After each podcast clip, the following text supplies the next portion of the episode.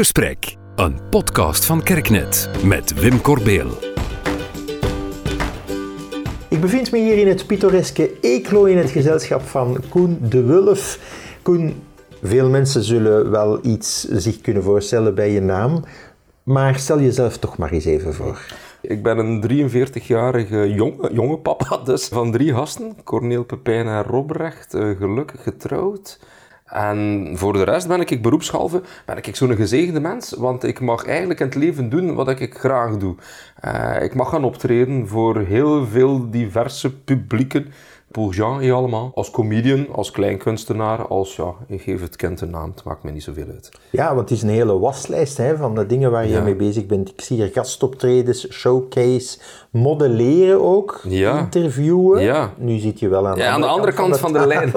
maar ook cartoons tekenen en zelfs schoenen maken. Ja. Heb je dat nodig, afwisseling in je leven? Maar ze zitten een beetje uit hetzelfde vaatje getapt. Zo, hè? Of dat je nu een voorstelling over dementie maakt, of heb je een voorstelling over, over diabetes, als twee oudste, allez, als oudste en als jongste in diabetes type 1. Dat, dat zijn getuigende voorstellingen, dat is een ander thema. Maar, maar dat is, allez, om het te gebruiken, geschoeid op dezelfde leest. maar op zich is de vertrekbasis dezelfde. Mijn naam is Koen de Wulf en ik wil jullie iets komen vertellen van de avond. Het vertrekt wel altijd heel dicht bij mezelf. Ja. Uh, en ofwel is het iets waar ik een grap over bedacht heb, omdat ik iets in de wereld gezien heb. Ik vond het funny en plezant en dan, dan gaat het maar zo. Oftewel is het omdat ik iets mooi vond en dan kneden we daar een liedje rond. Oftewel is het omdat ik ergens met iets worstel en dan gaan we dat ook aan, aan de mensen gaan meegeven. Koen, je bent ook gelovig, je bent Ja. christen. Ehm, op welke manier inspireert je, geloof je, in, in heel die waaier van activiteiten? Vroeger was dat raar. Als ik zei, ik, eh, in 2007 bijvoorbeeld, ik gaf toen nog effectief les godsdienst. En tegelijkertijd was ik geselecteerd voor de finale van Humus Comedy Cup. En dan kregen dan zo comedians naar mij, zo van, hoe kan dat nu, dan een leraar godsdienst? Hè, ik zou bijna het woord in godsnaam, hier in de Ancien Belgique, ga komen optreden eh, voor, voor, en dat hij zo comedy ambieert. Maar ik ben zo'n kind van Toon Hermans, niet fysiek. Maar, maar, maar, maar zo, zo, ja, dat waren dus de voorbeelden waar dat ik naar keek. En ook naar Wil en Vermanderen. En ik ben dan comedian. Eigenlijk wou ik een kleinkunstenaar worden en liedjes schrijven en liedjes zingen. Maar het was wel zo dat het veel gemakkelijker was om in Vlaanderen aan optredens te geraken met wat bintekst. Urbanus zegt dat ook soms, hè, dat hij dat wou doen, maar dan ze de teksten tussenin veel grappiger vonden dan zijn liedjes.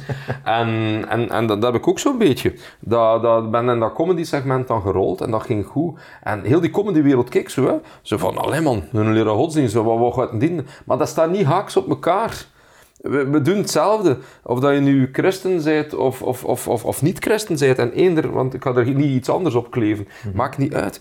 We, we, lopen hier allemaal maar in mee. En we kijken allemaal naar wat er gebeurt rondom ons. En aan mijn keuken hier vandaag, uh, aan die hockeysticks die daar hangen, Wim, kun je niet zien dat hij hier met een christen zit. Nee. Dus, en dat is allemaal maar hetzelfde. En die basisinspiratie, is dat christendom belangrijk voor mij binnen in wat ik maak. Ik heb één voorstelling, God en Goed, en daar voelt je die inspiratie zeer goed in. Maar in de rest ben ik ook met een mens als al die andere mensen. En dat christen zijn, dat zit dan veel meer in hoe dat ik thuis met mijn thema's omga en met mijn opvoeding van mijn gasten omga en hoe dat ik met andere mensen omga en hoe dat ik ergens naar het leven kijk en waar dat ik interpersoonlijk wil geraken. We hebben onlangs een nieuwe boiler moeten kopen en de, de zoektocht naar de aanschaf van die boiler was heel grappig en funny. Ja, ze hebben zij mij nooit in die sanitaire winkel gevraagd, zei hij christen of niet. Hè? Dus, uh, dus, dus allee, ja. En mijn kinderen zijn op C-klassen geweest en dat was een hilarische informatie-infoavond. En wel, dat zit in mijn comedy show. Ja, voilà. Voilà, voilà. Uit het leven. Uit het leven gegrepen, ja. Toch vind je het heel belangrijk, en dat is niet altijd evident vandaag, dat je humor nooit kwetst. Ja, ja daar probeer ik naar te zoeken zo. En ik heb dat geleerd van een aantal collega-comedians. Als je schiet, naar omhoog en niet naar beneden. Als je tot iets recht of zo, pak maar iets aan dat groter is of heiliger of, of, of dingen dan, dan jou. En laat, laat maar iedereen, laat maar, blijf, maar van, blijf maar van mensen af zo. Ja, ik ben er wel tolerant in, maar ik probeer ook een tolerante mens te zijn. En dan bedenkt je automatisch zo niet echt grappen erover. En als je het doet, wees dan eerlijk. Ja. Maak gelijk opgaande. En lach ook met jezelf. Want het is gemakkelijk. Hè. Ik heb zelf drie rosse kinderen. Eh, als je een grap maakt over een met rood haar, ja, maar maak maar een keer een grap over een met zwart haar. En daar zit voor mij veel meer het ambacht in. Even terug naar de kerk, maar op een eh, Ja? vrij verrassende manier. Jij hebt ooit eens bijna een bisschop in brand gestoken. Ja, het is waar. Ik heb ooit eh bisschop Arthur Luistermans. Ik was stagiair bij IED. Ik volgde regentaat godsdienst en we moesten een bedrijfsstage doen. Nu ja, bedrijven binnen een godsdienst, oftewel was het gaan werken in- bij kaarsenfabriek Bert in, eh, in de Patrijntjesstraat gaan, oftewel was het eh, ja, op, op, de- interdiocesane jeugddienst van, van, van Gent. Ja, ik, ik mocht daar beginnen. En dat was in de periode voor de paasvakantie, dus de Goede Vrijdagviering bij Sint-Baafs zat daarbij. En de stagiair was verantwoordelijk. En zo'n, ja, dat is eigenlijk een grote TC-viering ook, die grote vrijdag, met heel veel TC-liedjes. En ik ben altijd al fan geweest daarvan.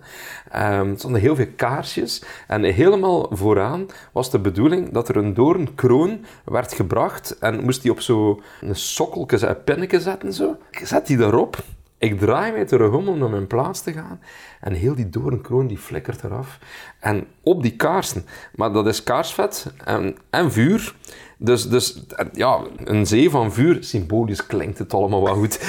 maar op dat moment was dat toch niet zo. En, en ja, dat ging richting de bisschop. En dan zat ik zo aan zijn, aan zijn voeten. Maar iedereen, ja, heel die kerk was veel meer gevuld. Er kwamen er een paar mensen bij sprongen om dan die kaars te nemen. Ja, dat was ook op tapis plein. En dan, ja, dat was, bijna stond een bisschop in brand. Maar we hebben dat kunnen... eh, er is niet echt iets gebeurd, maar het was wel even schrikken. Je hebt eh, de bisschop ook proberen gerust te stellen. Ah ja, het is waar. Het is waar, ja. Ik had toen, eh, ik had toen gefluisterd, ja, maar het is het vuur van de Heilige Geest. Zo, maar, ja. maar heel veel reactie kon hij niet geven. Maar hij zat Ja. ook een beetje gevangen in zijn Goede Vrijdagkoers. Uiteraard.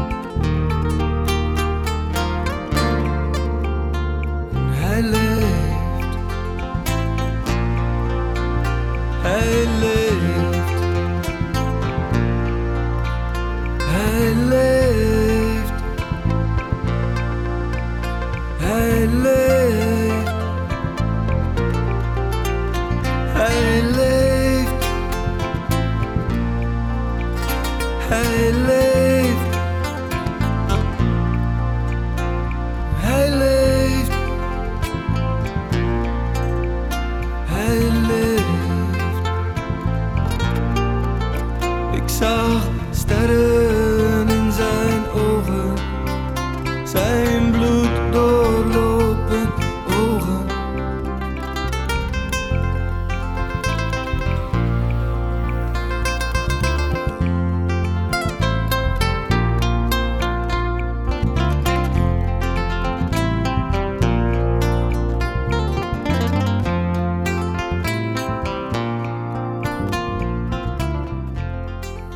Tot slot, is er nog een van die vele activiteiten die je organiseert of onderneemt, is er één die je eens in de schijnwerpers zou willen zetten? In de schijnwerpers, goh, ja, ik zou de, de voorstelling God en Goed kunnen in de verf zetten van kom maar allemaal een keer kijken, want jullie luisteren nu naar de podcast en jullie hebben daar zeker het juiste profiel voor. En dat is zo. Maar eigenlijk wil ik zeggen, het zou heel fijn zijn dat mochten de mensen die aan het luisteren zijn, gewoon een keer komen kijken naar Koen de Wulf. Of mij zelfs boeken. Dat is misschien ook veel geestiger. En dat maakt toch niet uit met welke voorstelling. Eh shop eens op www.koendewulf.be.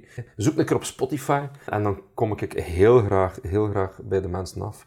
Maar misschien is het moment, ja, gaan we dat nu zeggen van die cd's? Ja, Zeg voilà. Kijk, ik heb ook eh, vijf cd's, maar voor de mensen die graag een keer zouden willen horen wat ik maak, en die thuis nog een cd-speler hebben, want op Spotify is er veel te vinden, maar op mijn cd staat er meer.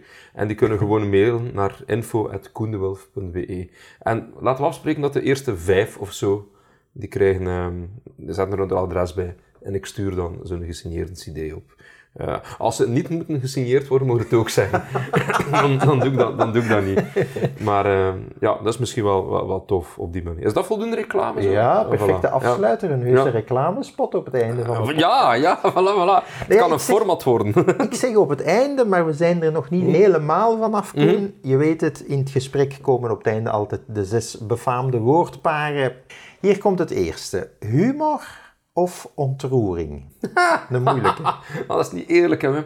Spontaan. Ja, humor. Als je in het leven staat met een gezonde dosis relativeringsvermogen, zodoende dat humor een wezenlijk deel van jezelf is, dat sowieso die ontroering op de juiste moment gaat binnenkomen. Als ik voor ontroering kies, heb ik het gevoel dat ik humor op, op, op de achterkant schuif. Als ik voor humor kies, ben ik er zeker van dat die ontroering gaat aanwezig zijn, want humor wordt vaak geboren uit ontroering. Tweede woordpaar. Monnik of priester? priester. Omdat ik nogal gevoelig ben voor maatschappelijk engagement. En dan denk ik dat je binnen een gelovige context, als je het op de juiste en de goede manier aanpakt, dat je als priester eh, voor veel meer mensen nog veel meer kunt betekenen. Derde woordpaar. We zijn al bijna halfweg. Plannen of loslaten? Plannen. Als je alles goed plant, en mijn leven is zeer goed gepland, ik heb het al aangegeven, ik ben papa van twee diabeten. Eh, Als we hier de maaltijd niet plannen, en als je dat niet plant met de handbalwedstrijd en met dit en met dat, dan, dan steekt u zelf in nesten. Maar het is pas bij de gratie van een gestructureerd en gepland leven, dat je dan pas flexibel kunt zijn voor alles wat er tussenin gebeurt. Hoe meer dat je plant in je leven, hoe meer dingen dan er op je pad kunnen spontaan gebeuren, denk ik. Dus ze gaan eigenlijk een beetje hand in hand in zekere zin. Al uw woordpaar. Dank je wel. Anders is het geen dilemma, hè. Jij weet zeer goed wat je doet, maar ik ook. Ongetwijfeld. Eens zien of dat ook geldt voor het volgende woordpaar, maar dat zal ongetwijfeld wel. Zingen of schrijven? Ja, zingen. Ja, ja, want al heb je het zelf niet geschreven, dan een cover of dan, dan is dat een liedje, maar zing maar. Zing. Alle dagen zingen. Ik zing meer liedjes van anderen dan van mezelf. Hè. Ja. Ja, hè, als ik onderweg mag wandelen met mijn, met mijn hond, zeg ik mijn eigen liedjes niet aan het zingen. Hè. Oké. Dan zing je wat er op dat moment past bij, bij waar je de zin in hebt. Hè. Ja. En er zijn nog veel meer schone liedjes van anderen. Wat niet wil zeggen, dames en heren, dat je de optredens niet komen. maar allee, dit is wat ik maak. Natuurlijk vind ik mijn eigen liedjes gewoon liedjes. Maar, maar, maar doe maar zingen. Oké, voorlaatste woordpaar, Koen. Humor in de kerk of kerk in de humor? Maar ja, dat is beide.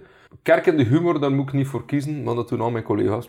Eh, dan, zit, er overal in. En, en de kerk maakt het zich ook niet gemakkelijk. Hè. Ik bedoel, eh, je moet, allee, ja, laat ons daarin fair en eerlijk zijn. Eh, ik denk een gezond relativeringsvermogen, maar ik heb dat al een keer geschreven in een interview eh, bij jullie. Een gezond relativeringsvermogen in de kerk zorgt ervoor dat humor iets wat gemakkelijker, allee, de weg makkelijker maakt. Hè. En is dat dan humor of relativeringsvermogen? Ja, die twee gaan vaak hand in hand. Zo. Dus humor in de kerk, als ik moet kiezen. We eindigen met twee locaties. Eeklo of Waarschoot? Ah! Op dit moment in mijn leven Eeklo. Ik ben altijd van daar waarvan dat ik ben. Ik was ooit van Slijdingen, ben verhuisd naar Waarschoot, ik heb daar jaren gewoond. Dan was ik van Waarschoot. En mensen zeggen dan, "Ah, ga nu naar Eeklo gaan wonen. En zeg je het al een beetje gewoon? Eh, dames en heren, het is vijf kilometer verder. Het antwoord is ja. Ik voel mij altijd gelukkig daar waar dat ik op dat moment ben. Eh, anders blijf je vasthangen. Koen de Wulf, Ja. blijf vooral genieten en plannen in Ja. het leven. En bedankt voor dit gesprek. En wel, dikke merci Wim dat ik hier mocht eh, aan, ja, hier aanwezig zijn. Het is in mijn eigen keuken, maar in de podcast bij jou mocht ten tonele komen. Dank u wel. Met plezier. Je luisterde naar Het Gesprek. Reacties en tips zijn welkom op wim.kerk.net. Herkende je iets in de podcast of heb je er een vraag over? Geef dan zeker een seintje. Je helpt ons ook door over deze podcast te spreken bij vrienden, familie en collega's. En misschien ken je zelfs interessante studiogasten. Laat het ons dan ook weten op wim.kerk.net.